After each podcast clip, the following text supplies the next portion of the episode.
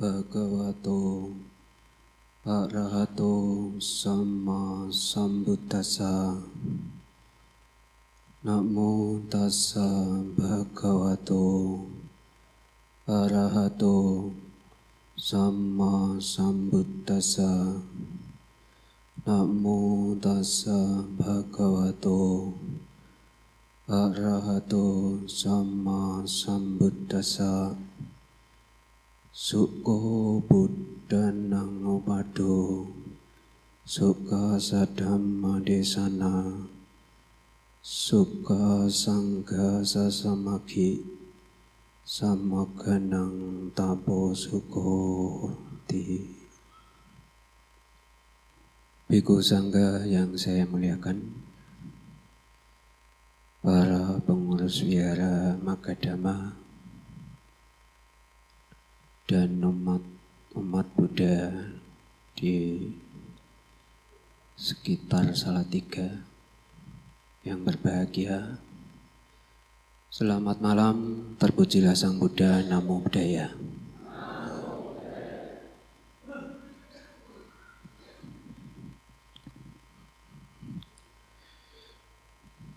Bapak, Ibu, saudara-saudara sekalian,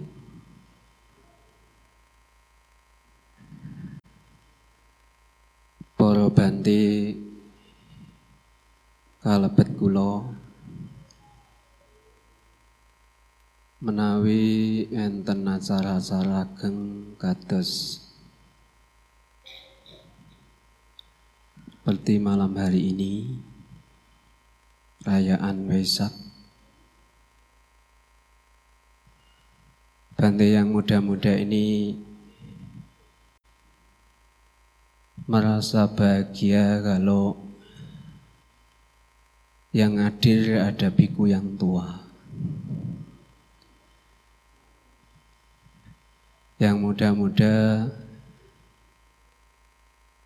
saat dekat dengan biku yang tua hatinya menjadi adem menjadi ayem dan menjadi tentrem. Apa alasannya ya? Biku yang tua itu punya pengalaman yang jauh lebih luas dan tentu punya praktek yang lebih tinggi. Kasih sayangnya kepada yang muda-muda ini tentu lebih besar.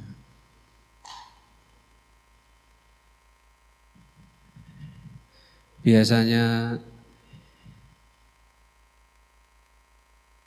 biku yang tua itu kalau ada acara-acara besar juga yang menjalankan tugas-tugas yang berat itu biku yang paling tua. Tugas yang ringan-ringan biku muda. Tapi malam hari ini saya juga tidak menyangka diberi tugas untuk menyampaikan pesan damai. Saudara-saudara sekalian, umat Buddha merasa tidak puas ya. Dereng marem menawi merayakan atau menyambut detik-detik Waisak niku umat Buddha menyambut hanya umat-umat yang menyambut detik-detik Waisak atau merayakan Waisak. Umat Buddha badhe rumaos lebih bingah ya, menawi sakit merayakan Waisak dengan biku sangga. Leres ngaten?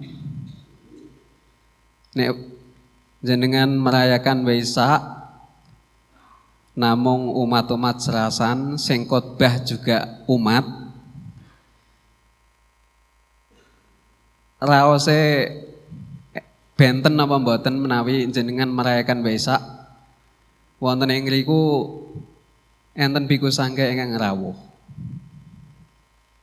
Benten apa mboten? Benten. Mbok menawi nggih sami kala wau. Nek biku-biku muda niku kalih biku tua niku nggih rasane beda. Derek-derek sekalian,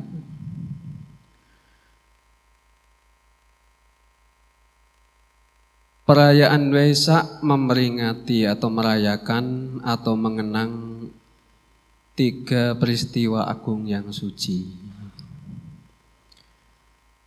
Jadi Tri Suci Waisak, Waisak itu nama bulan atau Waisaka. Tri Suci karena di bulan itu ada tiga peristiwa agung yang suci.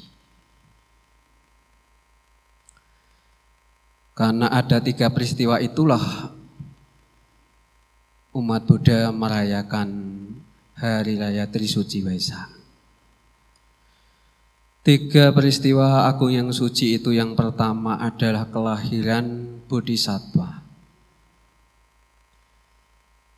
Apa perbedaannya kelahiran kelahiran jenengan niki kali kelahiran Bodhisattva? Enten napa mboten? Kesamaane mboten enten napa mboten? Ada tidak kesamaannya? Nek jenengan ngerti jawab yang banter. Ada kesamaannya tidak? kok diem nih?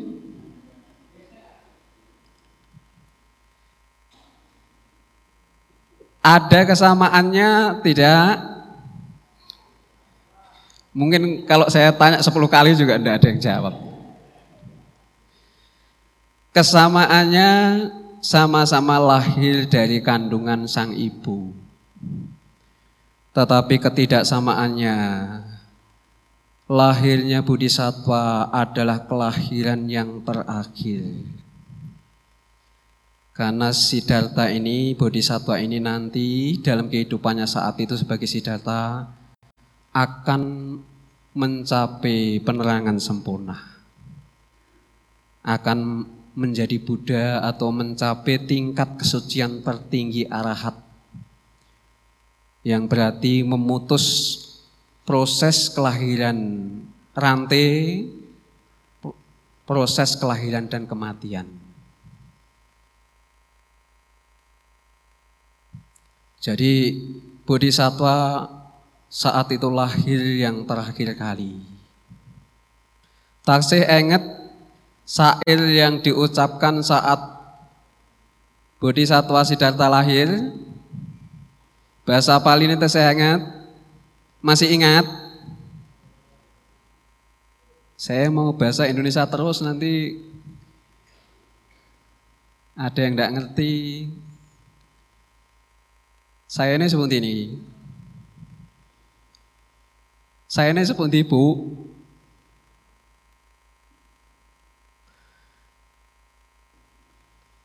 Apa artinya dalam bahasa Indonesia ya, akulah pemimpin di dunia ini.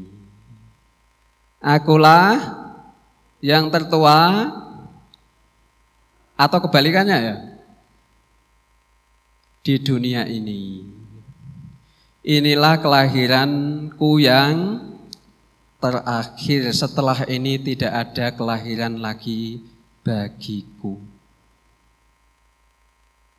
Ini syair yang menggambarkan bahwa Bodhisattva di dunia saat itu lahir yang terakhir kali. Kalau jenengan ini Sinten yang sakit memastikan tesih berapa kali lagi akan lahir mati lahir mati? Enten saya ngertos? Sinten ingkang nggak ada keyakinan bilih mangke sak sampunipun sedo badhe lahir wali? Wonten apa mboten? Sing jawab memang loro.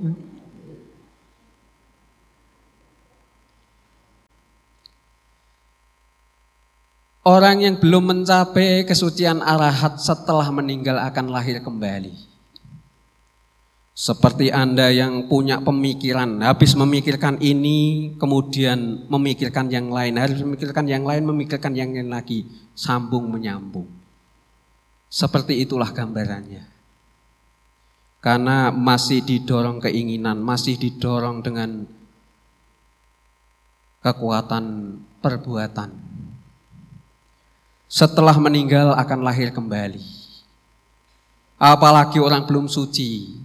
Orang mencapai kesucian pertama, sotapana saja sudah masih harus lahir tujuh kali lagi ke dunia.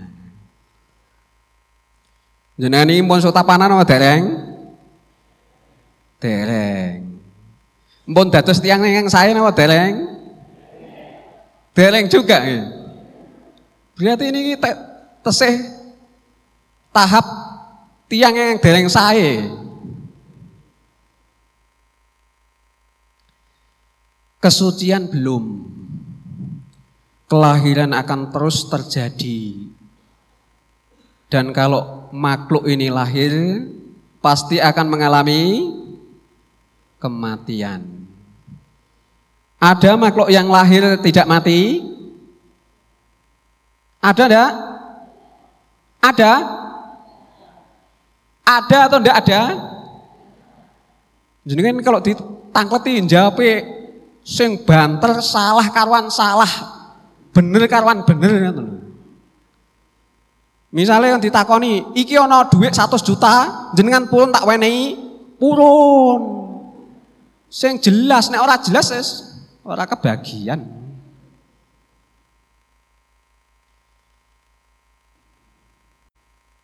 Delek-delek sekalian,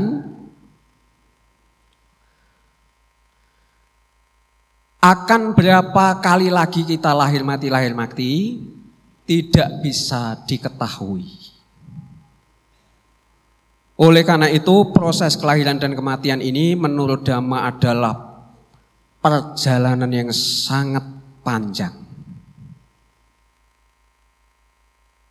Nek jenengan misalnya melampah niku tujuan niku dereng dipun mangertosi kira-kira sepundi? Eh? Isih bingung, isih penasaran ya. Kula nalika tindak ten Yamati Tam niku nggih. Amal ki dereng nate ini iki berapa jam meneh arep tekan ya, ora tekan-tekan. Padahal naik gunung, turun gunung, naik gunung, turun gunung. Wah. Dan saat niku niku tesih musim Jawa. Ibu-ibu yang derek nalika sumanten niku jatuh niku mungkin 100 kali lebih. Tiba-tiba rut. Kula duka mpun ping pinten jatuhnya. Nenek tiba kok ya ora patek loro. Soale daun-daun niku kathah. Jadi nek tiang niku dereng ngertos tujuan ya. Sing enten namung raos penasaran. Lan ingkang wonten niku keinginan. Aku kepingin cepet tekan.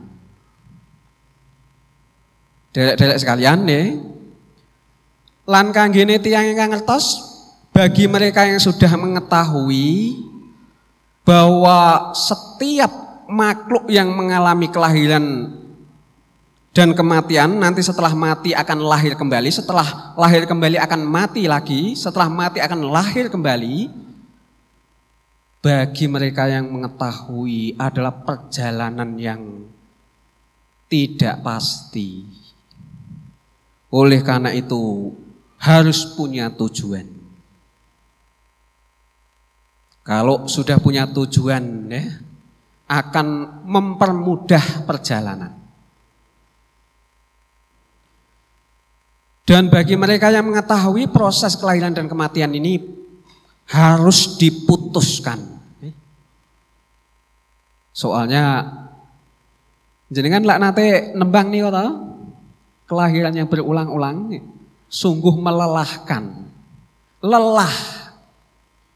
Kira-kira nek jenengan ini diajak melampah pitung dino pitung bengi ora leren kira-kira betah napa mboten? Mboten betah ya? Apa meneh nek misale kok ora iso dihitung dina, eh? Sak wulan juga ora iso dipastikan perjalanan ini sungguh melelahkan.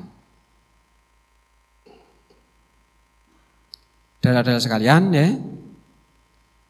Oleh karena itu kalau ada makhluk yang sudah pasti kelahirannya saat itu adalah kelahiran yang terakhir ya.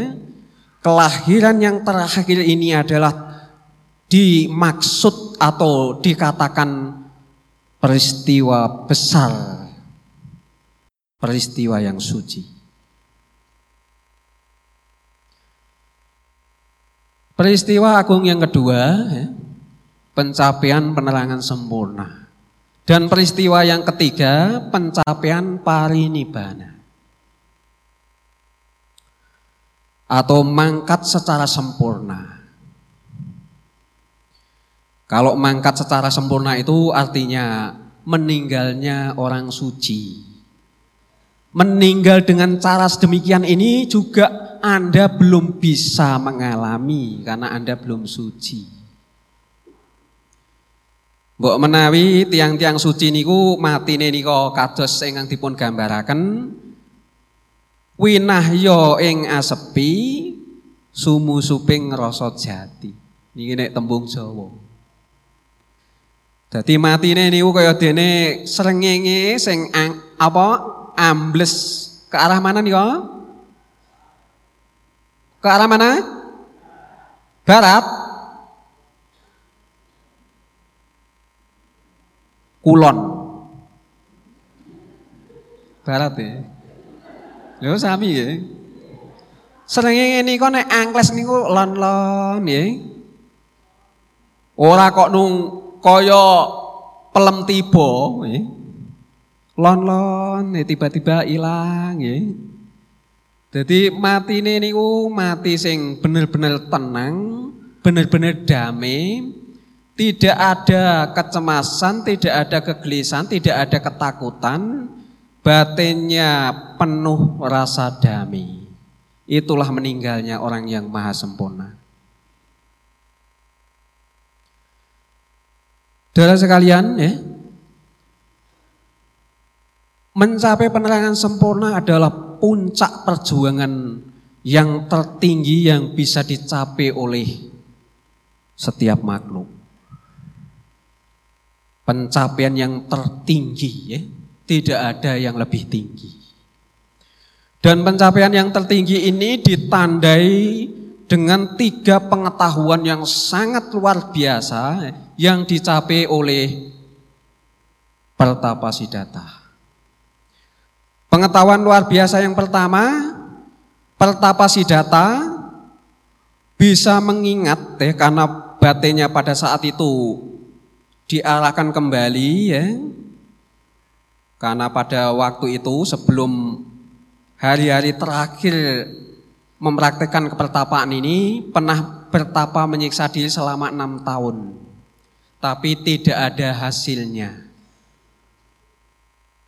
Kesucian belum ditembus, penerangan sempurna belum ditembus, ya. Tapi begitu pertapa Siddhartha mengingat, ya, dulu pada waktu enam tahun, usia enam tahun dia pernah meditasi di bawah pohon jambu mencapai jana. Pencapaian jana atau ketenangan yang mendalam ini bukan termasuk kesenangan-kesenangan indria. Dan pertapa Siddhartha kemudian masuk ke sana ya, ke dalam jana-jana. Setelah mencapai jana yang keempat diarahkan untuk mensucikan batin ya. Sehingga pada saat itu mencapai tiga pengetahuan yang sangat luar biasa. Yang pertama bisa mengingat atau melihat kelahiran dan kematian diri sendiri di kehidupan-kehidupannya yang lampau. Dhisik sak Delingi lahir Siddhartha niki lahir dadi sinten, sadurunge meneh dadi sinten, sadurunge meneh dadi makhluk napa nggih. Niku sudah terlihat semuanya. Dan penglihatan seorang Buddha dikatakan tidak terbatas. Sampai kelahiran-kelahiran yang tidak terbatas. Kelahiran-kelahirannya yang lampau.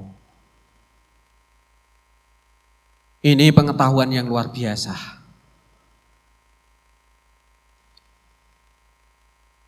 Ternyata ya makhluk-makhluk termasuk pertapa Siddhartha, termasuk Siddhartha sebelum lahir menjadi Siddhartha ini sudah lahir berulang-ulang. Niki dipun jelasaken wonten ing kitab Parita Suci. Wonten ing Parita Suci. Sudah mati berulang-ulang, lahir berulang-ulang.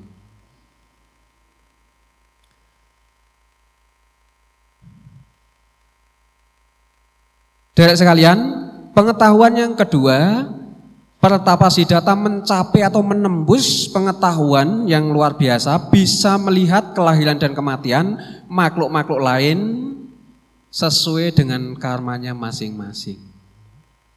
Makhluk lain atau orang lain, misalnya Raja Sudodana sebelum lahir menjadi raja, kelahirannya di mana? Sebelumnya lagi di mana? Eh? Kelahiran dan kematiannya makhluk-makhluk lain yang berulang-ulang dilihat dengan sempurna. Dan ternyata makhluk-makhluk yang belum mencapai kesucian tertinggi itu lahir mati, lahir mati. Dan terus demikian. Dari sekalian yang pengetahuan yang ketiga, Pertapa Siddhartha bisa melihat dan menembus atau mengetahui hukum sebab musabab yang saling bergantungan. Kenapa kok setelah usia tua itu mati? Kenapa setelah mati kok lahir lagi ya? Ini dilihat. Sing nyebabke napa ya? Kok nek mati kok lahir meneh iki sing nyebabke napa ya? Lah nek lahir meneh kok nanti mengalami usia tua nih sebabnya napa ya? Begitu dilihat dengan seksama dengan tidak terhalang ya, diketahui rentetan dari hukum sebab musabab yang saling bergantungan ya. Sinten ingkang ngapal? Awija pacaya sankara. Sankara pacaya winyana, winyana pacaya nama rupa, nama rupa pacaya salayatana, salayatana pacaya paso, paso pacaya wedana, wedana pacaya tanha. Tanda pacaya upadana, upadana pacaya bawo, bawo pacaya jati, jati pacaya jara marana, kemudian nyambung lagi ke tumimbal lahir. Direntet ya, ditemukan sebab-sebabnya adalah disebabkan awija, kegelapan batin. Mbok menawi nek dipun gambaraken awija niku nggih. Jenengan nate nesu-nesu ya. Siapa yang pernah marah? Wis ora iso dihitung makanya mboten sakit jawab. Anda pasti pernah marah. Ya. Enten sing mboten nate marah. Kula kita mboten wonten. Wong bate mawon nih lho, nate marah. Neng jenengan buatan nanti sumerep nek banti marah. Kalau orang marah setelah melakukan perbuatan-perbuatan misalnya tiang marah ini kadang-kadang marah kali anaknya. Wah anaknya dipentung.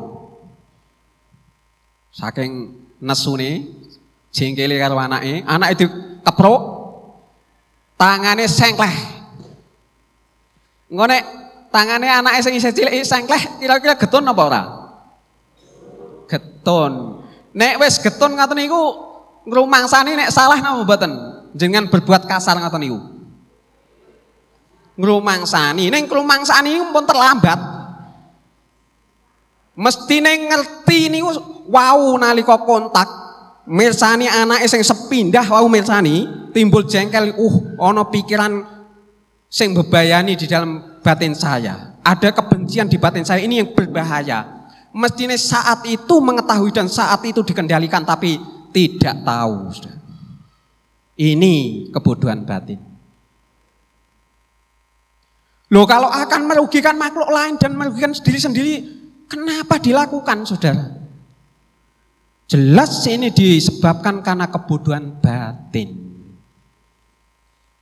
Timbulnya bentuk-bentuk karma, bentuk-bentuk pikiran, ya, sing baik, sing buruk disebabkan oleh awija. Kebodohan batin. Oleh karena itu dalam dhamma pada awija paramang malang di antara semua noda dalam kehidupan kegelapan batin adalah yang terburuk di antara semua noda.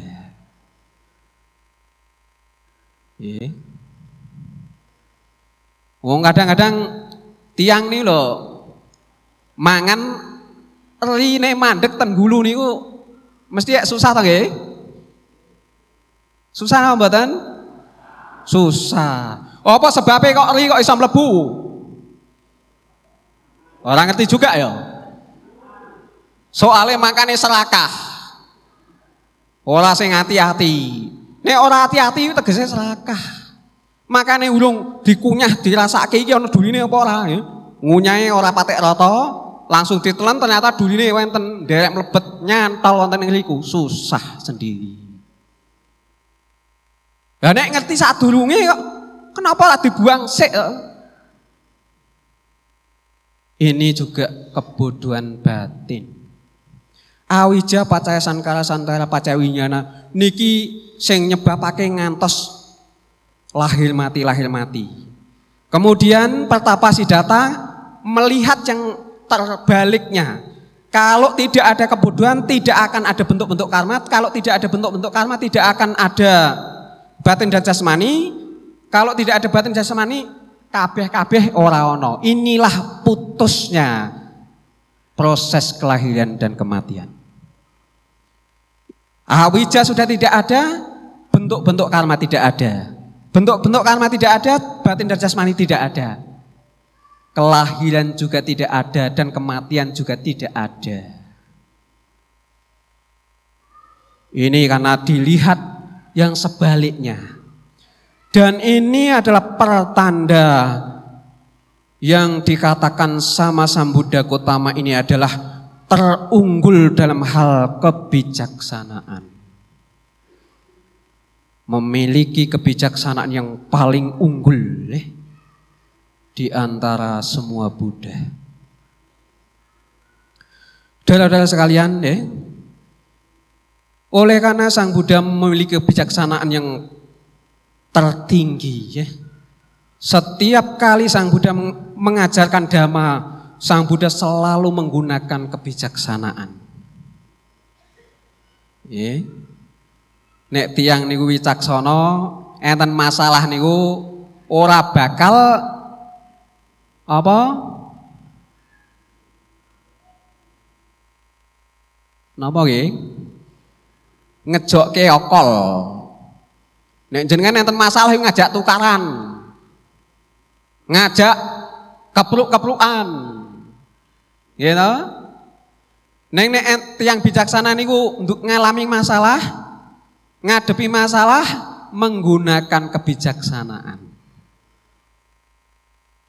Dan Sang Buddha setiap kali mengajarkan dhamma selalu menggunakan kebijaksanaan.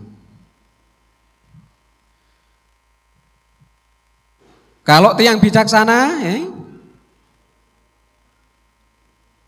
orang bijaksana tidak akan mudah merendahkan makhluk lain atau orang lain. Kadang-kadang wonten yang masyarakat tentang tradisi ya, tidak dihargai. Dan ini tentang tradisi ini membuatan kalau di daerah-daerah Dulu waktu masih saya masih kecil setiap bulan sekali ada yang namanya barian. Tahu barian? Ibu-ibu? Orang ngerti juga ya. Apa jenenge ten iki beda.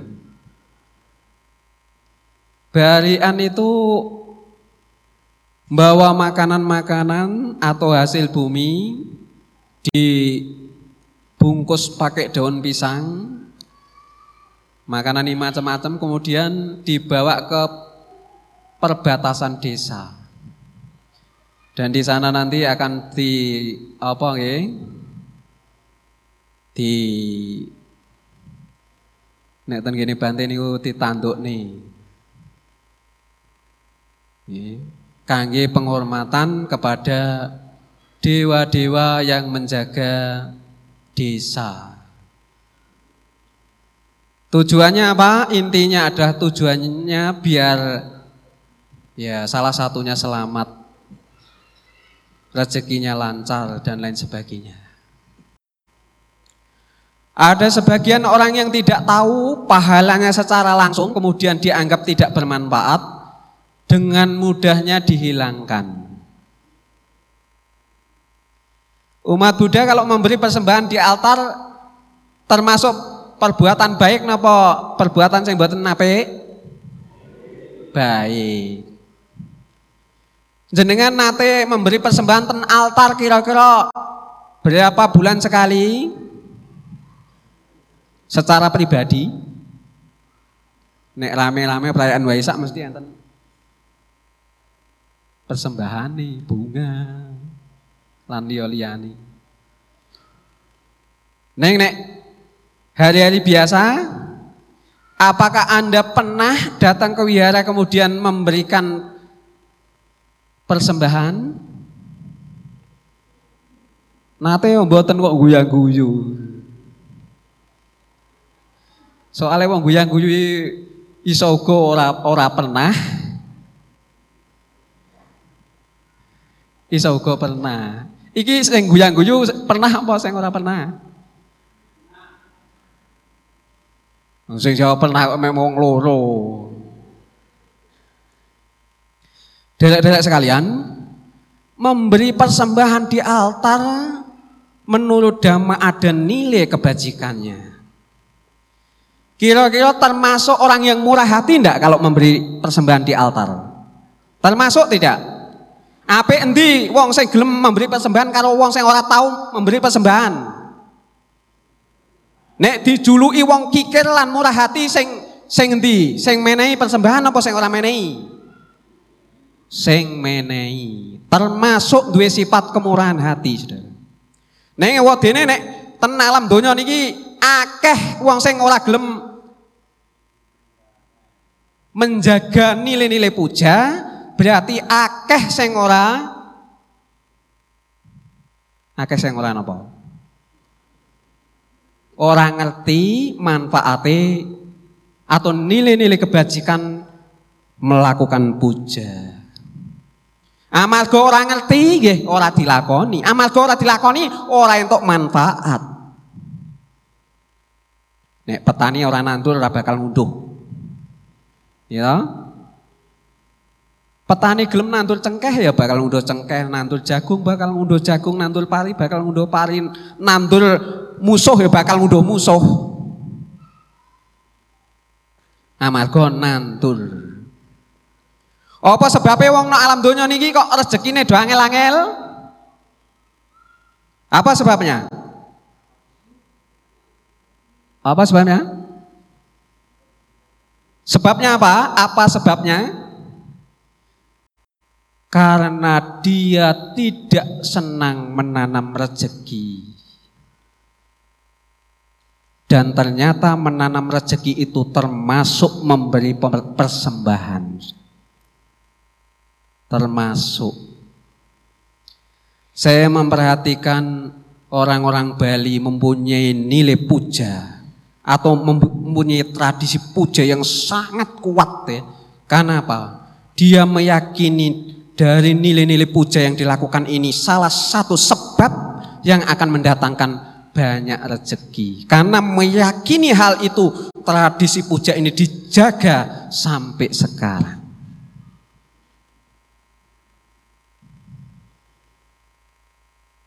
Kalau di dunia ini banyak orang yang rezekinya susah karena memang dia senang tidak menanam rezeki. Menurut hukum karma, hukum yang adil ya, yang berlaku untuk semua makhluk, orang yang menanam usia panjang akan memetik usia panjang. Orang yang menanam permusuhan akan memetik dia nanti dapat musuh. Orang yang tidak pernah menanam permusuhan tidak akan pernah punya musuh. Orang yang menanam rezeki akan memanen rezeki sesuai dengan apa yang ditanam. Sehingga saudara sekalian, kalau orang ini sudah mengerti bahwa ini adalah kebajikan dan menjadi sebab munculnya kebahagiaan salah satunya rezeki kemudian dijaga dan terus dipraktekkan.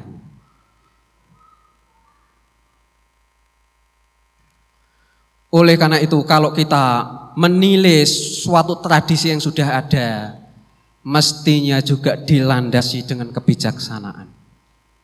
Seperti halnya Sang Buddha pada waktu ketemu seorang pemuda bernama Sigala. Pernah mau cerita pemuda Sigala?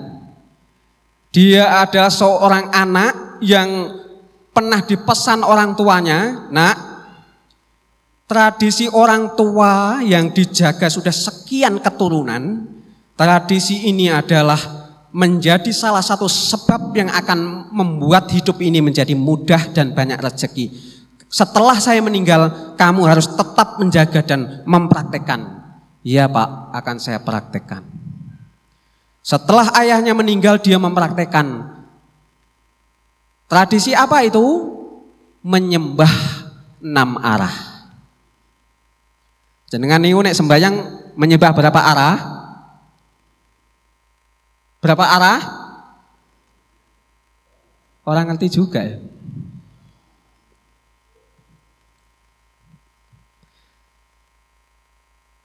Tapi hal sing apa yang dipraktekkan pemuda sigala ini yang paling sulit adalah sebelum menyembahkan enam arah, pemuda sigala harus rendam air pajar. Mulai pajar sampai matahari mau terbit. Rendam dulu di sungai. Kira-kira nek esok-esok jenengan rendam di sungai ngoten sak sembayang no kira-kira Iso sembahyang apa ora sak wis lendeman? Ngegek menggigil. Niki praktek sing angel. Nanging ewadene mangkatan pemuda segala ini setiap pagi dipraktekkan dia rendem tiap pagi kemudian menyembah enam arah. Dan di saat itu hari itu sang Buddha melihat dengan mata dewa. Pemuda ini sudah tiba waktunya untuk mencapai kesucian pertama. Jauh-jauh kemudian Sang Buddha datang menyapa pemuda segala. Kamu ini termasuk pemuda yang rajin dan pemuda yang patuh berbakti kepada orang tua. Apa yang dipesankan orang tua kamu praktekkan.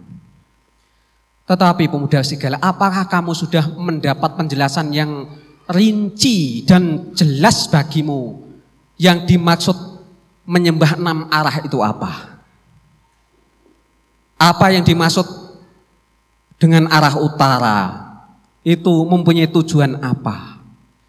Ternyata pada waktu Sang Buddha tanya seperti itu pemuda sigala tidak mengerti sama sekali satu arah pun tidak mengerti.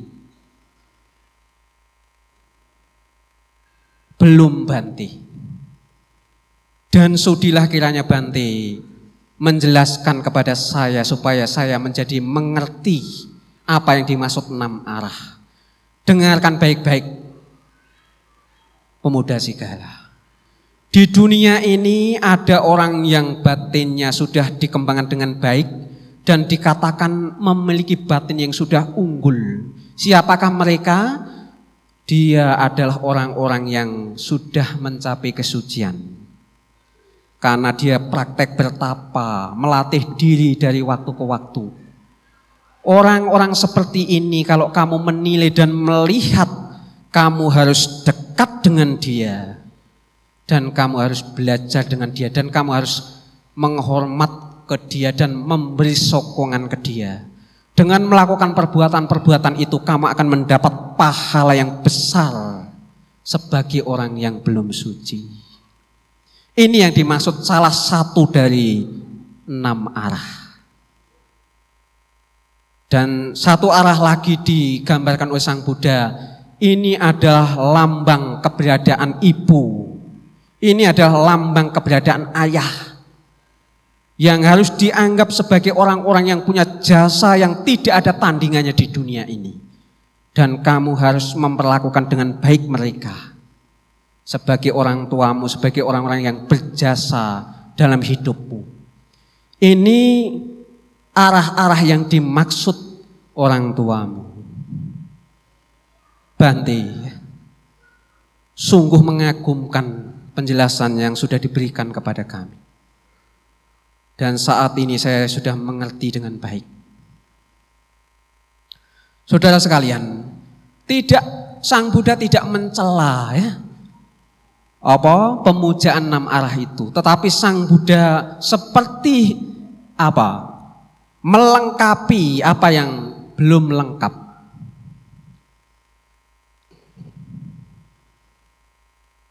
Saudara-saudara sekalian,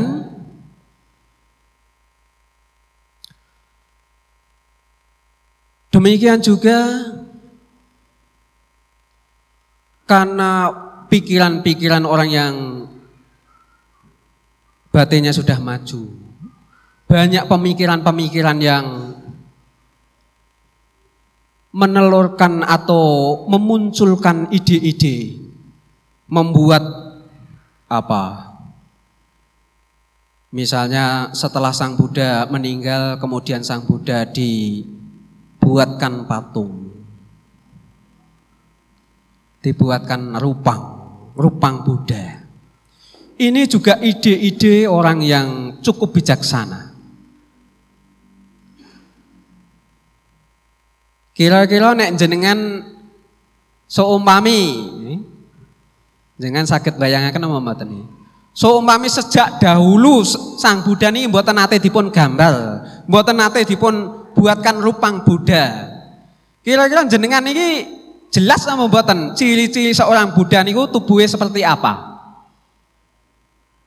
Jelas sama buatan? Tak kira buatan patek jelas atau tidak jelas. Tetapi dengan dibuatkan rupang sang Buddha ini, ya, rupang ini bukan disembah, tapi digunakan sebagai apa sarana untuk mengingat keluhuran Buddha. Ya. Rambutnya memutar ke arah mana? Kanan atau kiri?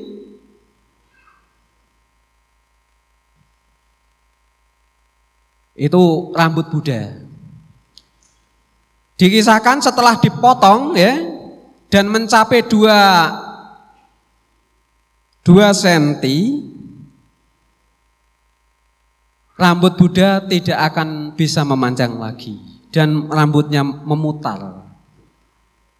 Makanya kalau di rupang atau gambar rupang Buddha itu dibuat rambutnya itu memutar. Kemudian di sini juga ada seperti andeng-andeng. Kemudian telinganya ini panjang. Kemudian dadanya seperti dada singa, ya, melambangkan tubuh yang sangat kuat. Ya. Dan yang paling mengagumkan, ya, ya semua mengagumkan, tubuh Sang Buddha sangat halus sekali. Mbok menawi nek nyamuk menclok niku keplese. Pleset. Halus sekali. Warnanya seperti apa tubuh seorang Buddha? Tubuhnya berwarna keemasan. Nek tubuh jenengan ini warnanya keemasan apa? Eh? Keemasan. Ya, kuning-kuning keemasan. Saudara-saudara sekalian, ada 32 tanda seorang calon Buddha. Ini yang nama, dinamakan 32 tanda purisa, maha purisa. Menawi dipun gambar eh, upaya didamelaken rupang Buddha tiang badhe lebih jelas. Senajan kathah tiang sing mencela ya, dengan dibuatkan rupang ini, umat Buddha dianggap menyembah berhala dan lain sebagainya.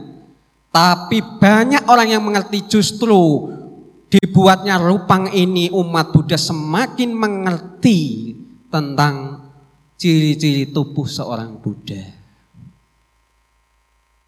Ya.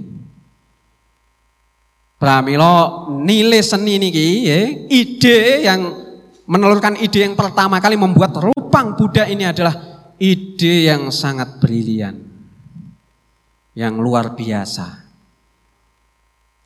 Demikian juga ya kalau ada karena kuatnya keyakinan kemudian umat Buddha ini atau raja membuat candi yang candi ini candinya sangat besar seperti di Indonesia Candi Borobudur menjadi kebanggaan dunia ya. Apa nilai-nilai luhur yang ada di candi? Nilai-nilai luhur yang ada di candi adalah di sana ada kisah perjalanan kehidupan masa lampau bodhisatwa. Yang syarat dengan nilai-nilai kebajikan, nilai-nilai cinta kasih, nilai-nilai kesucian. Secara tidak langsung sebenarnya membuat candi ini adalah salah satu tujuannya untuk menyimpan atau mengabadikan ajaran dhamma. Oleh karena itu saudara sekalian ya, tahun ini Sangga Theravada Indonesia mengangkat tema dengan judul mencintai kehidupan berbudaya dan menjaga persatuan. Setelah tiang ini ku memahami dhamma dengan baik, lebih memahami, lebih mendalam, tiang niku badhe memah atau mangertosi utai sangat menghargai gesang ingkang paling saya adalah gesang yang saling sayang menyayangi. Saapi-api eh seumpama enten tiang yang paling jahat di dunia sekalipun, nek ana wong iso nundukake dengan cara dibunuh supaya tidak ada orang itu, jauh lebih baik kalau ada orang yang punya kemampuan untuk menyadarkan dia. Orangnya tetap hidup, kemudian tidak melakukan kejahatan lagi dan dia mantap dalam kebajikan seperti siapa zaman Sang Buddha? Seperti Ahimsaka. Ahimsaka atau Anggulimala adalah orang pembunuh paling kejam zaman Sang Buddha dan yang bisa menyadarkan Ahimsaka adalah Sang Buddha. Kalau membunuh mungkin setiap orang bisa, tapi kalau menyadarkan butuh kebijaksanaan. Tidak harus orangnya yang diminasakan, tapi pandangan-pandangannya yang salah itu. Dia harus diberi pengertian supaya bisa memahami nilai-nilai kebajikan dan kebenaran. Ini nilai kebijaksanaan yang dimiliki oleh Sang Buddha. Dan ini juga termasuk ciri-ciri orang yang mencintai kehidupan berbudaya berbagai macam tradisi yang ada ya. Dia tidak mencela. Kalau toh itu tidak bermanfaat, kalau kita bisa menunjukkan ya sesuatu yang bermanfaat di sana, misalnya orang memberi persembahan ada yang punya tujuan cari nomor. Ada enggak? Ada enggak? Ada depan Bante tidak berani mengakui. Kalau tidak ada Bante pada rame membicarakan. Ada orang yang memberi persembahan dengan tujuan untuk nyari nomor. Menurut hemat Bante kalau jenengan nyari nomor itu tidak usah ke tempat-tempat keramat. Ke wisma tempat Bante kalau jenengan pados nomor Bante badhe maringi nomor. Sekawan nomor. Nomor sing di mobil niku kan wonten. Kalau seandainya orang yang punya tujuan memberi persembahan tujuannya hanya seperti itu, kemudian ditunjukkan manfaat yang lebih baik, nilai-nilai kebajikan yang lebih baik dengan memberi persembahan, orang ini akan mendapat manfaat yang lebih besar. Saudara-saudara sekalian, ya, kenapa kita harus sayang menyayangi? Ya? Kalau kita saling sayang menyayangi, kehidupan kita ini merasa kita merasa kuat sekali. Ya. Kekuatan satu negara yang mengalami masa-masa kejayaan adalah waktu itu dia masih bersatu, masih bersatu padu. Dan menurut Dhamma, raja yang paling kuat di dunia yang pernah ada adalah Raja Cakrawarti. Raja Cakrawarti itu raja empat penjuru dunia yang disayangi seluruh rakyatnya. Tidak ada satupun yang memusuhi dia. Apakah ada raja yang yang menandingi raja seperti ini? Tidak ada. Apalagi pemimpin negara zaman sekarang. Mungkin tidak ada 90% yang mendukung dia. Tapi kalau satu orang didukung 100%, disayangi semua rakyat, ini raja yang paling kuat. Karena waktu itu semua rakyat bersatu padu mendukung rajanya yang bernama Raja Empat Penjuru Dunia atau Raja Cakrawarti. Dan kehidupan saat itu, zaman kerajaan saat itu, kerajaan yang terkuat di dunia. Karena hidupnya rukun, penuh kasih sayang. Kalau Anda hidup rukun ya, hidup ini rasanya kuat.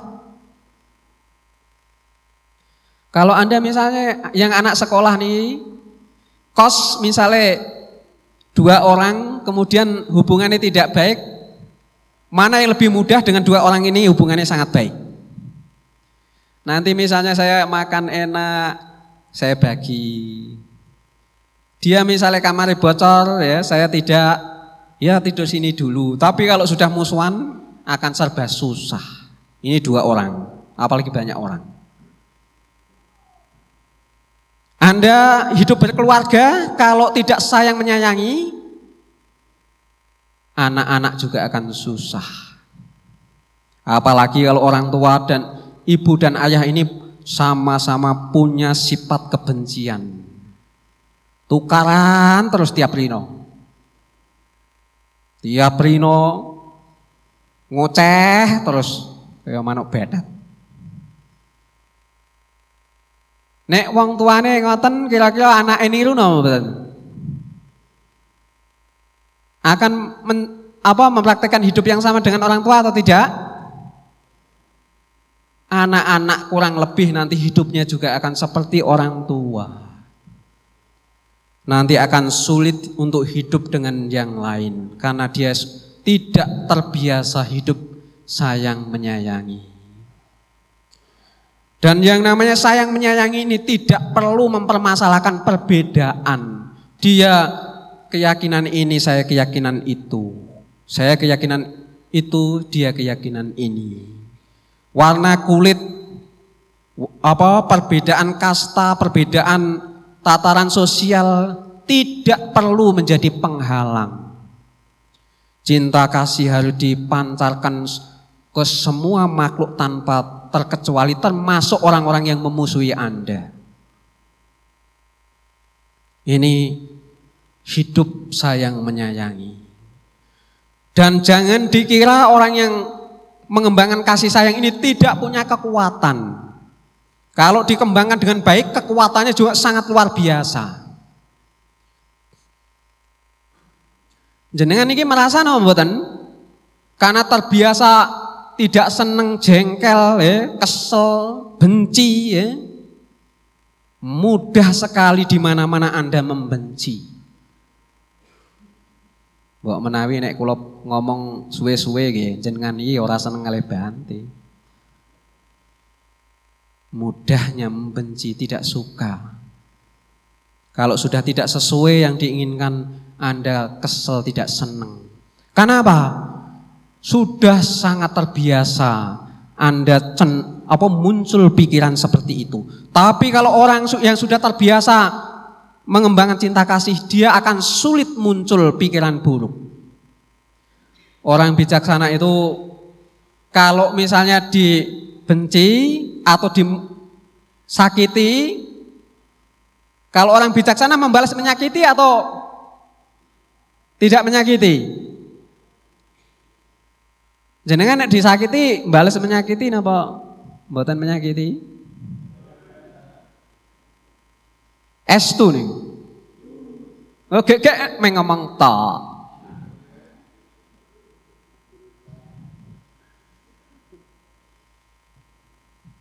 Saudara sekalian, apa yang harus muncul kalau misalnya Anda ini disakiti? Kalau orang itu kasih sayangnya sudah kuat, sudah besar, dia justru kasihan kepada orang yang menyakiti. Nek jenengan disakiti biasanya timbul apa? Kesel. Kalau orang kasihan itu, rasa kasihan ini ada salah satu bentuk kebajikan dalam batin. Sifat-sifat bajik dalam batin. Misalnya, saya melihat orang tua jalannya pakai tongkat, sudah terhuyung-huyung jalan sendirian, saya kok merasa kasihan. Saya juga jalan kaki masih muda. Karena kasihan apa yang harus saya lakukan? Saya kemudian saya tuntun. Ini karena muncul kasihan. Beda dengan cuek. Kalau muncul, yang muncul cuek apa? Yang dilakukan? Tidak peduli. Tidak melakukan hal-hal yang bermanfaat untuk orang lain. Inilah Ciri-ciri hidup kasih sayang. Hidup penuh dengan kasih sayang. Dan negara yang kuat adalah kalau rakyatnya bersatu, hidup rukun. Oleh karena itu hidup rukun bersatu ini adalah ciri-ciri kesejahteraan satu negara. Kalau keluarga ini hidup sayang menyayangi adalah ciri-ciri keluarga yang sangat ideal, sangat harmonis, sangat bahagia. Saudara sekalian, oleh karena itu, mari kita mengembangkan nilai-nilai kebijaksanaan, mengembangkan nilai-nilai kasih sayang. Karena kalau nilai-nilai kebijaksanaan dan kasih sayang ini berkembang dengan baik, kehidupan kita ini akan tentram ya. Kehidupan kita ini akan damai. Kita menganggap orang lain ini seperti keluarga kita. Di mana-mana kita akan menemukan kenyamanan. Di mana-mana kita akan menemukan sahabat.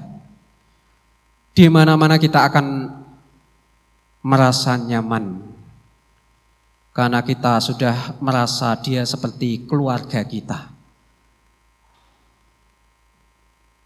Dan kehidupan seperti ini sangat patut untuk dicapai, diperjuangkan.